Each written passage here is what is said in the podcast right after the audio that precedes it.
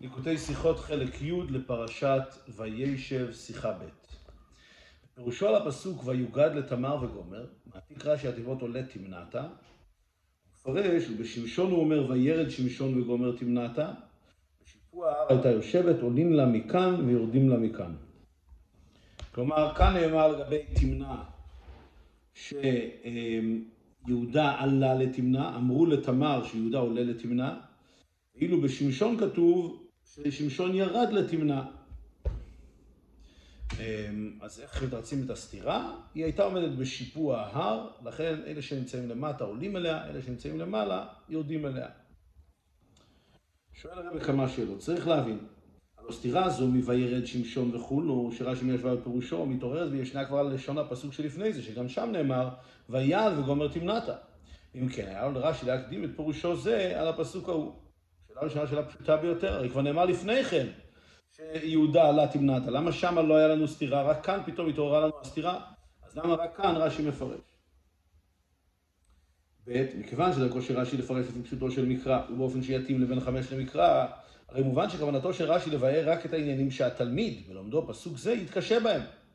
אבל אין דרכו ליישב בפסוק הנלמד, שפירושו כשלעצמו אתי שפיר, שיש בו קושיות וסתירות בפסוקים אחרים שטרם למדם התלמיד. זה כלל גדול ברש"י, שהוא בא לפרש פשוטו של מקרא ברמה כזאת של בין חמש למקרא, כלומר, לא, רש"י לא בא לפרש קושיות שמתעוררות לאדם שהוא כבר בקיא ולמדן ויודע להבין דבר מתוך דבר וכיוצא בזה.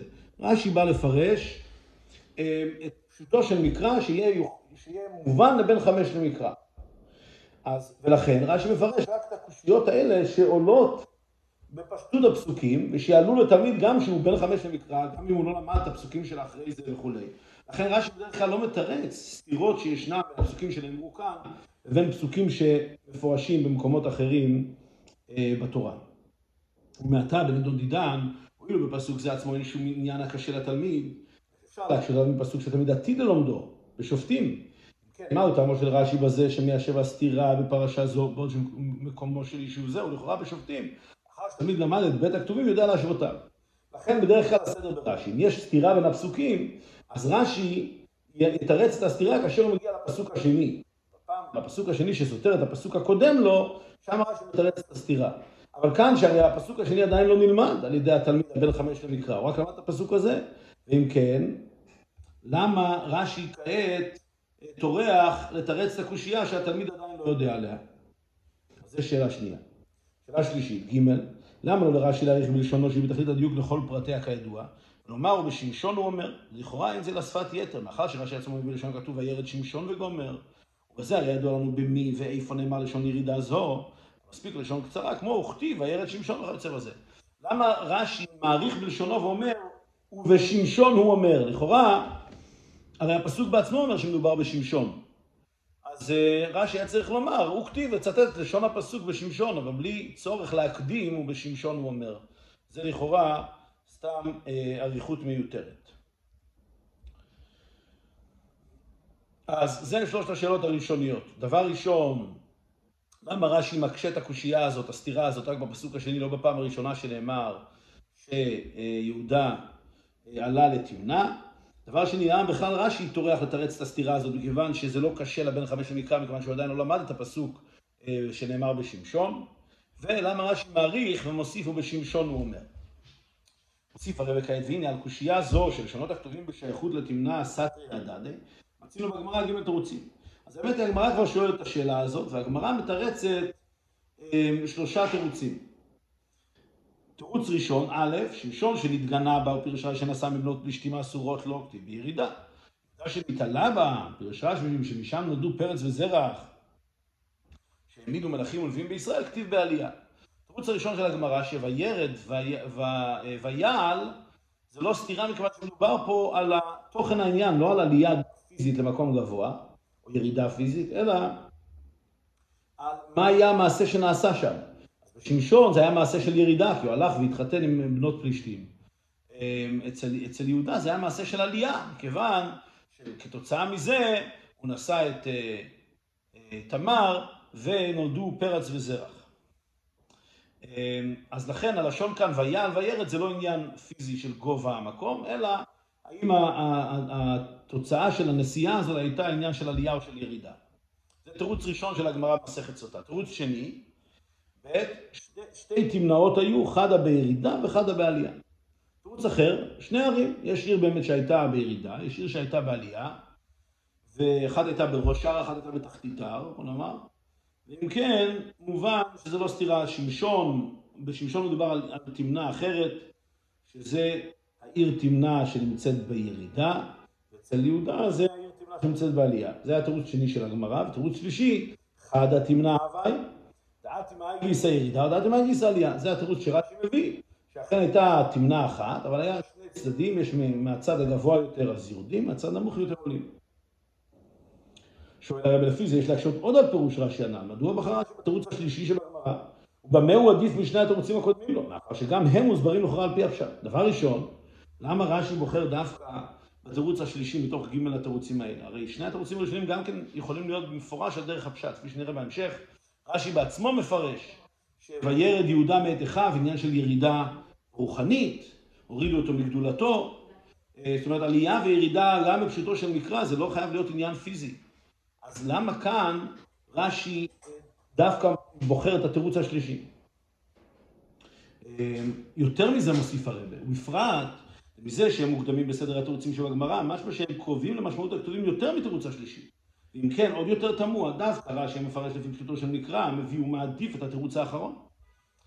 עכשיו, השאלה יותר קשה, מכיוון שהרי הגמרא, יש, יש סדר לתירוצים. כנראה שהתירוץ הראשון והשני היו לגמרא יותר פשוטות מהתירוץ השלישי, לכן זה רק מופיע כתירוץ שלישי. אז למה רש"י בוחר דווקא את התירוץ השלישי, שהוא לכאורה הכי רחוק מפשוטו של מקרא, במקום לבחור את התירוצים הקודמים?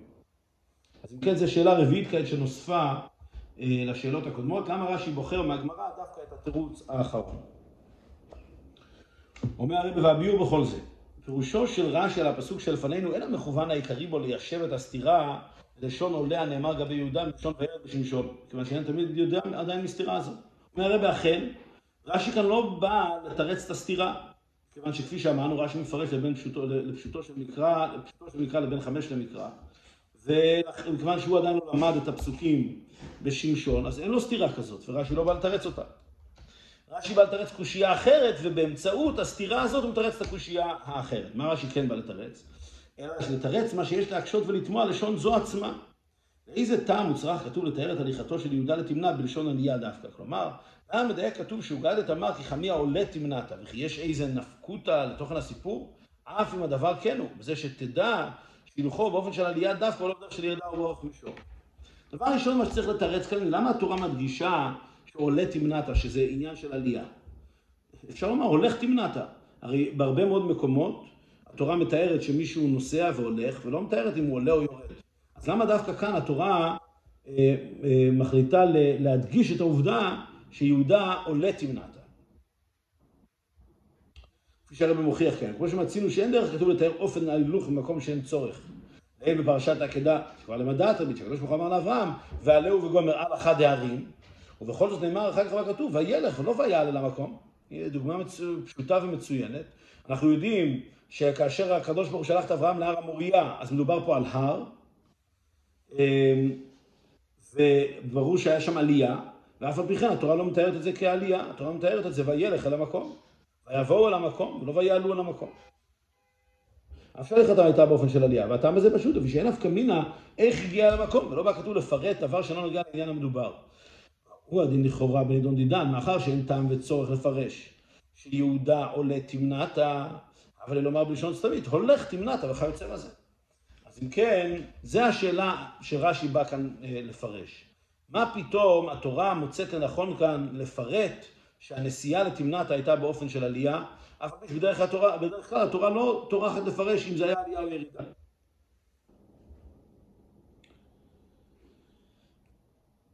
אז אז לכן השאלה כאן מתעוררת דווקא כאן, בפסוק הזה, ולא בפסוק הקודם. למה לא בפסוק הקודם? אומר הרב, אמנם בפסוק הקודם לזה, אף שגם בו נאמר ויעל וגומר תמנעתה, בכל זאת אין מקום לקושייה הזו. לפי ששם אפשר לפרש שאין הכוונה עלייה גשמית ממקום נמוך למקום גבוה. כי אם עלייה רוחנית, בחשיבות ומעלת הנפש וכולו. ולא היה פירוש זה יוצא מדי פשוטו של מקרא. הרי בהתחלת הפרשה נאמר וירד יהודה מאת אחיו. פירש רש"י בפשטות, פירושו שהורידו אחיו מגדלותו, ירידה ברוחניות. והיה מסתבר לומר שבהמשך לזה נאמר בו אחר כך ויעל, למדנו שהליכתו לתמנע, ועל ידי מעשה תמר שנסתובב מזה חזר ונתעלה ברוחניות. התירוץ הראשון שבגמרא מובא לעיל. אז באמת, אומר הרב, בפסוק הראשון באמת לא היה שום קושייה.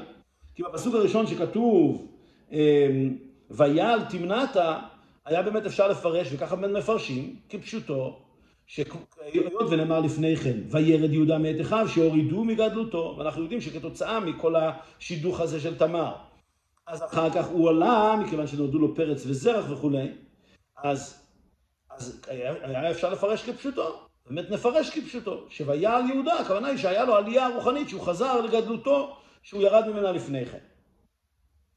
אבל זה רק שייך בפסוק הקודם, למה? אכן זה ייתכן רק במקום שבו נאמר ויעל בלשון נסתר, בדרך שלישי המדבר. התורה היא המספרת את מאורעותיו של יהודה, והיא היודעת לרמז בלשון ויעל את עלייתו הרוחנית שעדה לבוא על ידי הליכתו לתמנע. השני גם בפסוק שלפנינו, שנאמר בו חמיך עולה תמנעת בלשון נוכח, ואנו שזהו הנוסח שבו הוגד העניין לתמר על ידי מישהו מאנשי המקום, הרי אי אפשר לפרש כוונתו של המגיד ההוא לעלייה רוחנית של יהודה בעתיד, כי דבר זה ודאי לא היה ידוע לו. שכן, הלא הקושייה כתוב זה, למה נאמר, למה נאמר לשון עולה בהליכתו תמנעת במקומה עומדת. אומר כאן הרב פשוט היגיון צרוף. ביחס לפסוק הראשון שהתורה מספרת שיהודה עלה, אז אכן מובן שהתורה יכולה לומר שויעל תמנעת, שאכן יהודה עלה, זה גרם לו לעלייה, לחזור לגדולתו שנלקחה ממנו לפני כן. אז זה כאשר התורה מתארת מה יהודה עשה. אבל כאן התורה לא מתארת מה יהודה עשה, כאן התורה מתארת מה נאמר לתמר, ויוגד לתמר לאמור, הנה חמי חולה תמנעת. אז התורה כאן מצטטת את מה שנאמר ליהודה, מה שנאמר לתמר. עכשיו ברור שמי שאמר לתמר לא ידע אה, מה הולך להיות כתוצאה מהנסיעה הזאת. אז הוא לא היה יכול, יכול לומר לתמר, הנה חמי חולה תמנת עין, הוא, הוא עולה עכשיו וחוזר לגדלותו. ברור שלא. הרי אף אחד לא ידע מזה. ולכן כאן אי אפשר לפרש שעולה תמנת הכוונה היא עלייה רוחנית, מכיוון שכאן מדובר על הלשון שאותו, אמ, שאותו מדווח, שדיווח לתמר על הנושא הזה, אמר לה, וברור שהוא לא השתמש כאן ביחס לעלייה הרוחנית אה, של אה, יהודה, לכן כאן מתעוררת השאלה, למה, למה הוא ולמה התורה מפרטת שהוא אמר את זה לתמר בלשון עלייה? זה דבר שצריך ביור, וזו השאלה שרש"י כאן בא לתרץ. בקושייה הזו מתרץ רש"י באומרו, בשמשון, הוא אומר וירד שמשון בגומר תמנתה, אנו שעל ידי שמקדים ליישב סתירה זו שבין כתובים אלו. מתורצת הקושייה בפסוק זה בדרך ממילא. מאחר שביהודה נאמר לשון עולה תמנתה, ובשמשון וירד תמנתה, הרי שבעל כוכך צריך לומר שבשיפוע ההר הייתה יושבת, עולים לה מכאן ועולים לה מכאן.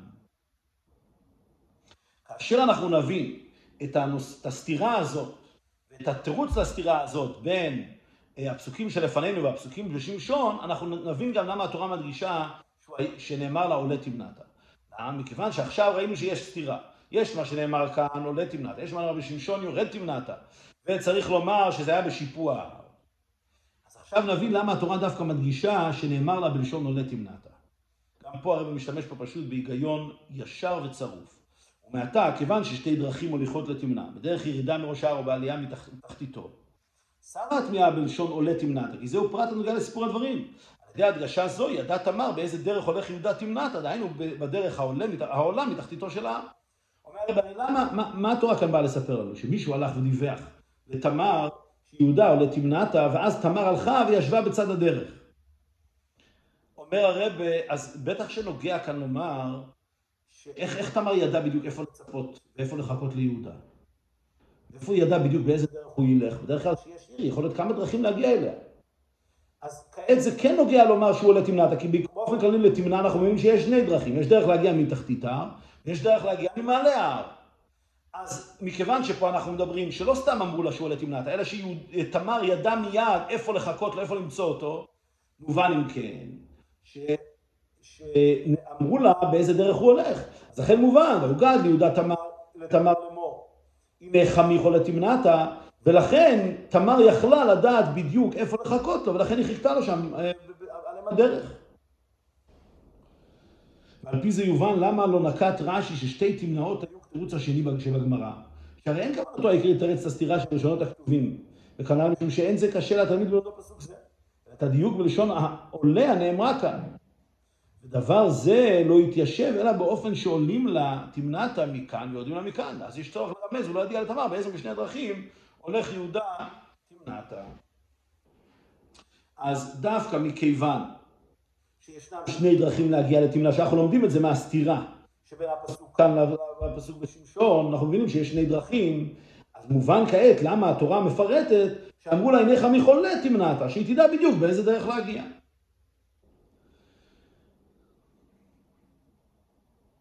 עכשיו, אומר הרב, במובן אם כן, למה רש"י בוחר דווקא את התירוץ השלישי? כי לפי התירוץ השני שהיה שתי תמנע, אז לא מובן למה התורה צריכה לפרש דווקא עולה תמנע.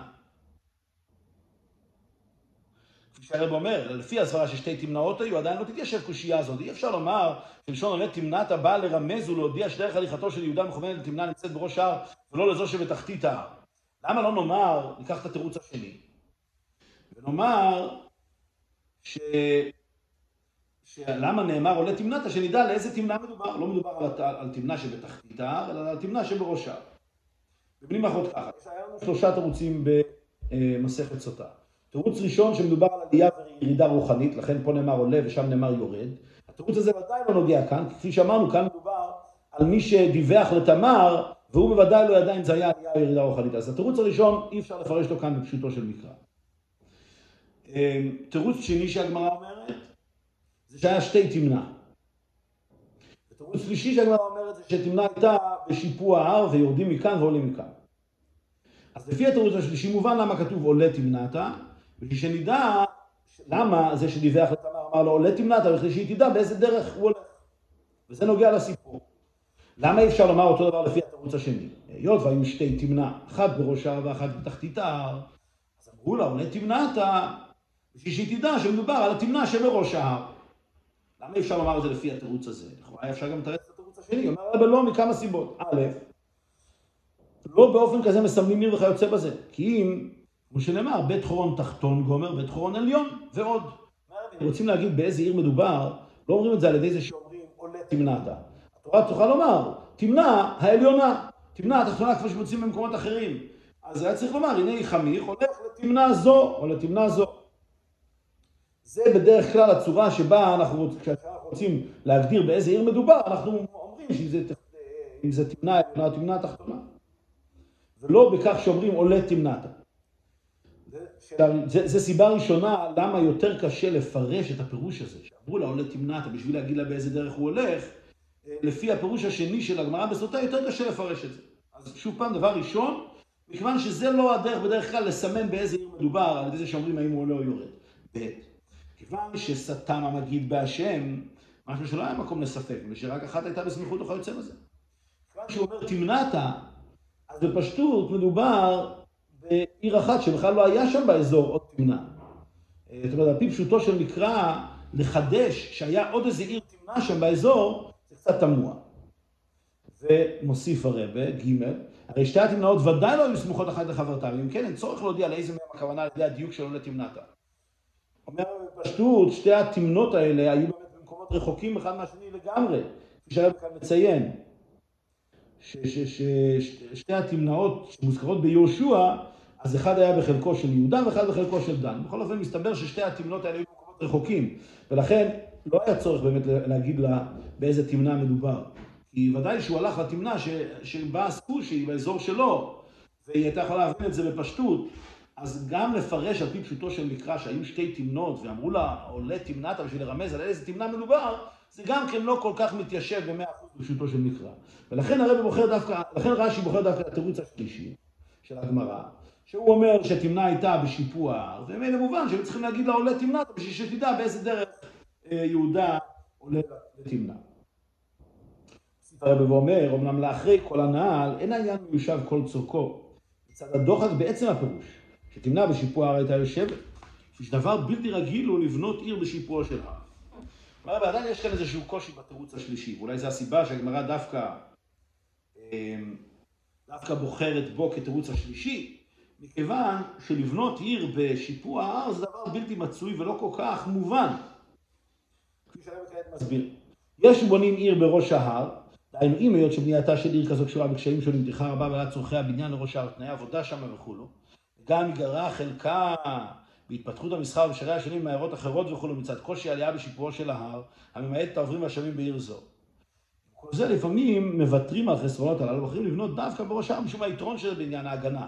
עיר היושבת בראש ההר ידעה על העניין במלחמה נגד האויב הלוחם בה כיוון שהיא נמצא למטה. למה ישנם ערים שבונים אותם בראש ההר? למרות שבעצם ראש ההר הוא חיסרון, הרבה יותר קשה לבנות עיר בראש ההר, צריך להעלות את כל החומרים של הבנייה לראש ההר, הגישה לעיר הרבה יותר קשה ולכן זה גם מפריע על ענייני המסחר שבעיר. למרות זאת בונים ערים בראש ההר, מכיוון שיש להם יתרון אחד מובנה, והוא ההגנה על העיר. כאשר עיר נמצאת בראש ההר, הרבה יותר קל להגן עליה, ויש ליושביה יתרון בכל מלחמה שתהיה. לכן, יש הרבה מקרים שבונים עיר דווקא בראש ההר. מאידך כמובן יש מעדיפים לבנות עיר בתחתית ההר. אם כי הגנתה אינה קלה, מטעם שהמקום מוכשר יותר לבניית עיר והצלחתה, משא ומתן בזה. יש גם כמובן יתרון בעיר שנמצאת בתחתית ההר, שהרבה יותר קל להוביל אליה את כל החומרי הבנייה, וענייני משא ומתן הרבה יותר קלים, למרות שיש חיסרון מסוים בכך שיותר קשה להגן עליה. אז זה מובן ביחס לעיר שנמצאת בראש ההר או בשיפוע, או בתחתית ההר. שקל בשיפועו של הר, שאין תועלת שלמה לבנות שם עיר, אין בנוגע לבניינה והתפתחותה, ואין בנוגע להגנה מאויב. ועוד שחלקי העיר הם זה על גב זה. אומרת, בשיפוע של הר זה הופך להיות בעייתי. כי מצד, מצד אחד יש את החיסרון שהעיר נמצאת בשיפועו של הר, צריך לסחוב את כל חומרי הבנייה אה, במעלה ההר. מצד שני, אין גם את היתרון של, ה, אה, של ההגנה של העיר הזאת. כי הרי תמיד אפשר להגיע אליה ממעלה ההר. אם, אם האויב יתקוף ממעלה ההר, אז הפוך, האויב יהיה, האויב יהיה למעלה והעיר תהיה למטה. אז אם כן, עיר שנמצאת בשיפוע ההר, היא לא, אין לה לא את המעלה של עיר בתחתית ההר, שיותר קל, הגישה אליה יותר קלה, לא את המעלה של עיר שנמצאת בראש ההר, שההגנה עליה יותר קלה. ולכן, באופן כללי, זה לא הגיוני ולא סביר לבנות עיר בשיפוע. והרב מוסיף שגם העיר עצמה היא נמצאת במצב כזה שהיא בשיפוע, זה לא עיר שהכי נוח לחיות בה. ואם כן, יש להקשות, אילו מציאות היא שבשיפוע שלה הוא דבר שאינו רגיל, אילו מציאות עיר בשיפוע שלה הוא דבר שאינו רגיל, לכן יותר לומר הייתה יושבת בראש ההר, לפרש את בית הלשונות עלייה וירידה של, של תמנה לצדדים. כל אחד לפי עניינו בכתוב. לשון עולה ביהודה, פירושו עלייה כפשוטה, בגשמיות, כי אי אפשר לפרשם אוכלים, מטעם הנעל ב... מטעם הנעל בסד. סעיף ד' ולשון וירד בשמשון, הבא בסיפור הכתוב בלשון נסתר, פירושו ירידה בחשיבות ובמעלה. אומר הרב, לכאורה היה אפשר לתרץ עוד יותר פשטות. כלומר כך, אכן תמנע איתה עיר שנמצאת בראש ההר, כמו שמקובל לבנות ערים. ואומנם לגבי יהודה, מה זה, מה זה, ולכן מובן מה זה ויעל יהודה, יהודה עולה, מכיוון שהעיר נמצאת בראש, בראש ההר. ועל זה אומרים, הנה ויוגד לתמר לימור, הנה חמי חולה תמנעת, מכיוון שמדובר בעיר שנמצאת בראש ההר. למה נאמר בשמשון וירד? שם נגיד שזה באמת היה ירידה רוחנית.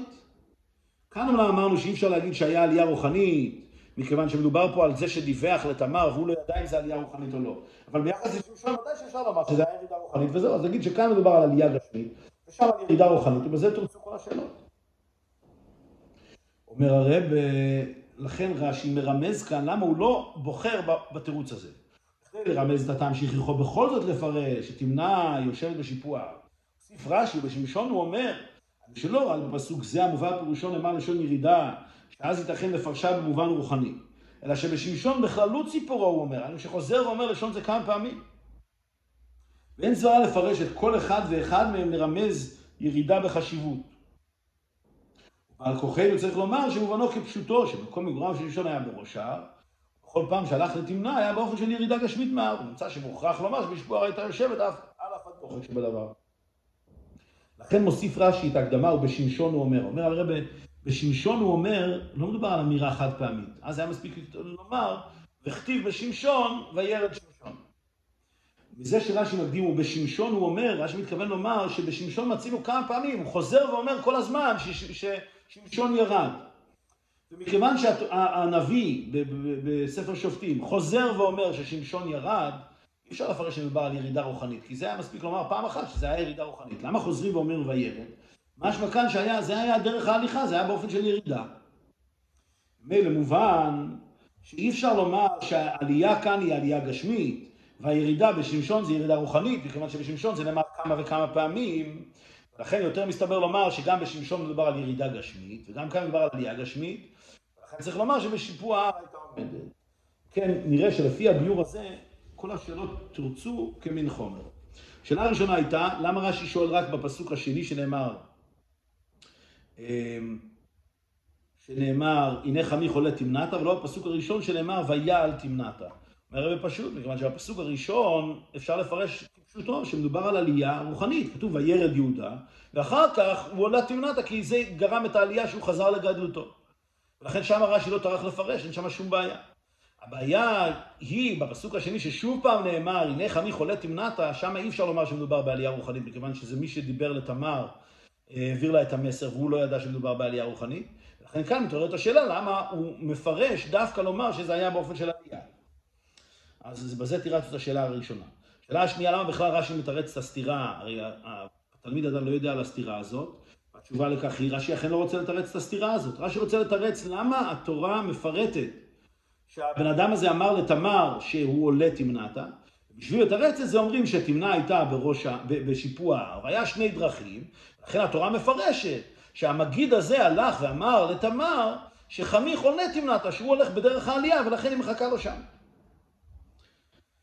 אז אם כן מובן, למה רש"י כאן בא לתרץ את השאלה הזאת? ושאלה שלישית, למה רש"י מוסיף את ההקדמה הזאת, אה, ובשמשון הוא אומר? אז שוב פעם, בשביל שלא נצטרך לומר, שלא נאמר, כמו שהיה אפשר לומר בפשטות, שלגבי שמשון זה אכן ירידה רוחנית. וכאן מדובר בעלייה גשמית, ואז היה אפשר לומר בפשטות ש, שהעיר תמנע נמצאת בראש ההר, לא צריך מצב כזה בלתי רגיל שהיא נמצאת בשיפוע ההר. למה אי אפשר לפרש ככה? זה אומר רש"י, בשמשון הוא אומר, היות ובשמשון הוא אומר את זה כמה וכמה פעמים, לכן בשמשון אי אפשר לפרש שמדובר על ירידה רוחנית, ולכן צריך לבחור את הפירוש שתמנע היא בשיפוע ההר. ומובן גם התירוץ לשאלה האחרונה, למה רש"י בוחר דווקא את הפירוש השלישי שבגמרא, מכיוון שהפירוש הראשון והשני לא, לא יתאימו לפשוטו של מקרא. הפירוש הראשון לא מתאים, כי כפי שאמרנו, קשה לומר בפסוק הזה בכל אופן, ש... שהיה כאן עלייה רוחנית, מכיוון שמדובר פה על המגיד שאמר לתמר, והוא לא ידע על עלייה רוחנית, לכן שללנו את הפירוש הראשון. התירוץ השני לומר שהיה שתי תמנות, גם כן לא מסתבר. אם מדובר על שתי תמנות, אז לא, אין צורך פה למגיד לבוא ולפרש שהוא עולה תמנתה. או שהוא יגיד במפורש באיזה תמנה מדובר, או שמספיק שהוא יגיד תמנה, ומכיוון שהייתה רק תמנה אחת באזור, מובן שהוא הלך לתמנה הזאת. אז לכן קשה לומר שההדגשה הזאת עולה, זה בשביל לומר לנו באיזה עיר מדובר. ולכן אנחנו בוחרים דווקא בפירוש השלישי, שמדובר באמת בעיר אחת, אבל היא נמצאת בשיפוע. אז אם כן תרצו כל השאלות הנ"ל. מסיים הרב כאן אה, דבר נפלא, העניינים דיינה של תורה של פירוש רש"י לפנינו, וההוראה מזה בעבודתו של כל אחד ואחד. מבואר במקום אחר על הפסוק, מי יעלה בהר הוואי וגומר, שעבודת האדם לקונו היא בדוגמה לעלייה בהר.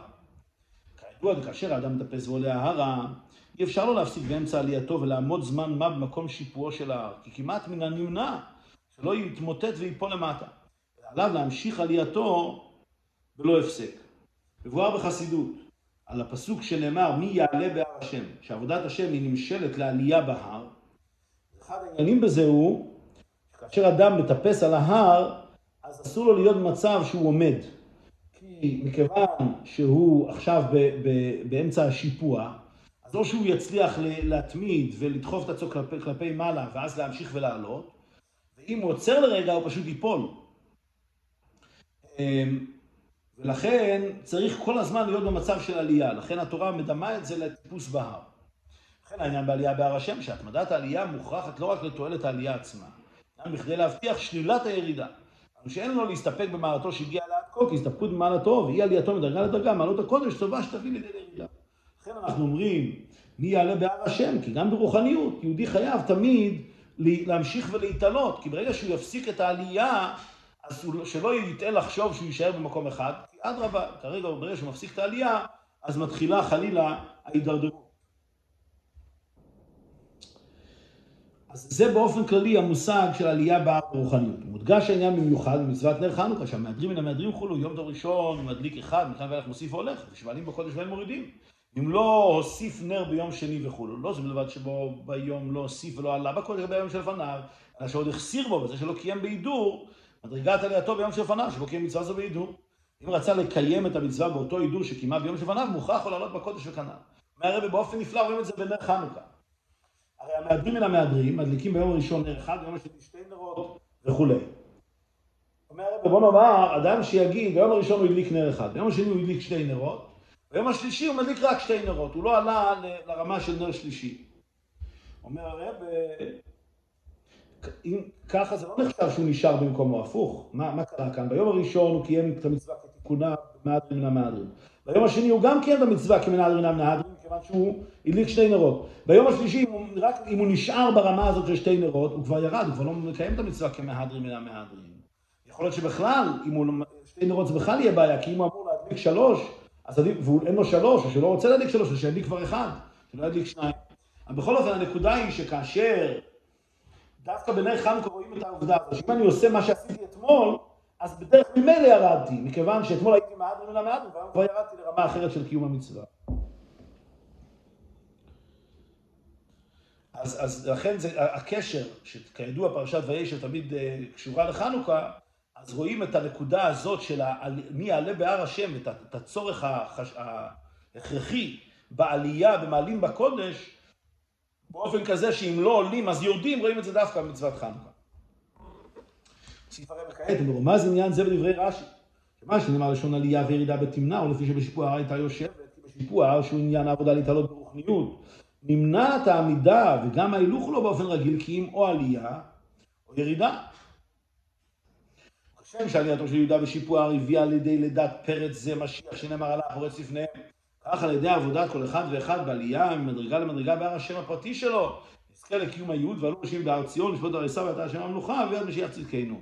אומר הרב, זה מה שרש"י גם מרמז ברוחניות, שהלשון הזה של עלייה וירידה נאמר דווקא בתמנע שהיא בשיפוע ההר, מכיוון ששיפוע ההר הוא באמת אותו מקום שמרמז על עבודת האדם הרוחנית, שהוא תמיד צריך להרגיש שהוא נמצא בשיפוע ההר, שאם הוא לא ממשיך לעלות, ממילא הוא ייפול. ולכן זה נאמר דווקא בעניין של תמנע, ששם היה באמת עלייה כזאת שהביאה ללידת פרץ, בסופו של דבר לביאת משיח צדקנו. אז גם כאן אצל עבודתו של כל יהודי, כאשר יהודי רואה את עצמו, עולה תמנעתה, רואה את עצמו כל הזמן במצב כזה שנמצא בשיפוע ההר, זה עצמו מה שמועיל לו להתעלות, על ידי זה למהר ולזרז את ביאת משיח צדקנו.